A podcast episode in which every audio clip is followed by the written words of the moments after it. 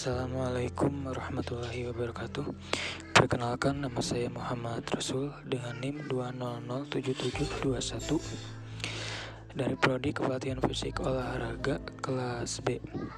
Di sini saya akan menjelaskan tentang bagaimana dinamika pelaksanaan demokrasi di Indonesia. Indonesia adalah negara demokrasi. Hal ini terbukti bahwa sejak Indonesia merdeka, yaitu pada tahun 1945, Indonesia sudah menggunakan sistem demokrasi. Demokrasi di Indonesia adalah suatu proses sejarah dan politik perkembangan demokrasi di dunia secara umum, hingga khususnya di Indonesia. Sejak pernyataan kemerdekaan pada 17 Agustus 1945, Indonesia sudah membangun sistem pemerintahan demokrasi dengan menerapkan Undang-Undang Negara Republik Indonesia 1945 sebagai konstitusi negara untuk mengatur negara dan masyarakat.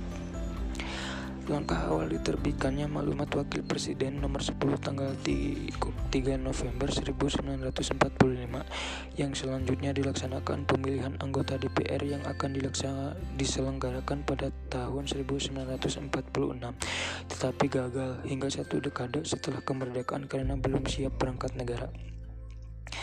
Pada tahun 1953, lahirlah Undang-Undang Nomor 7 yang menetapkan pelaksanaan pemilu pertama di Indonesia yang diselenggarakan pada tahun 1955 dengan menerapkan penerapan tiga model, yaitu demokrasi parlementer atau liberal, terpimpin Pancasila, memiliki 10 prinsip dan perkembangan periodisasi demokrasi di Indonesia ada empat hingga yang terakhir, terakhir sampai sekarang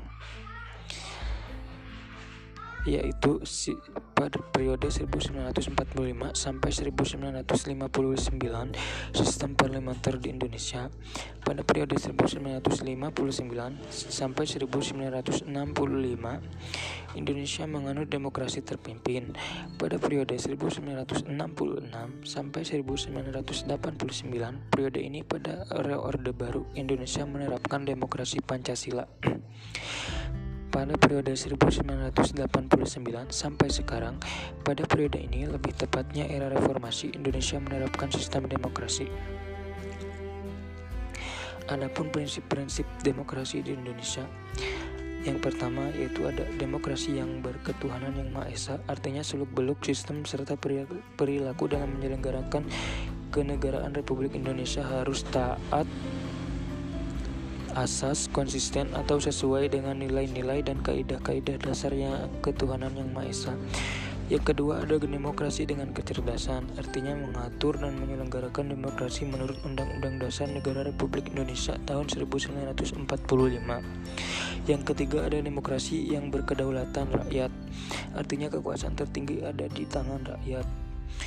Yang keempat ada demokrasi dengan rule of law, Hal ini mempunyai empat makna penting, yaitu melindungi, mengembangkan kebenaran hukum, serta kekuasaan negara, ke dan seperti kedamaian dan pembangunan.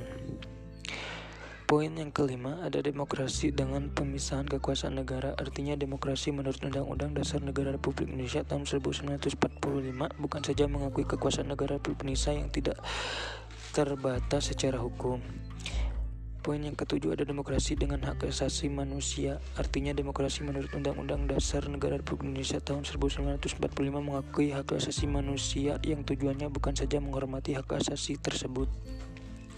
Poin yang kedelapan ada demokrasi dengan pengadilan yang merdeka.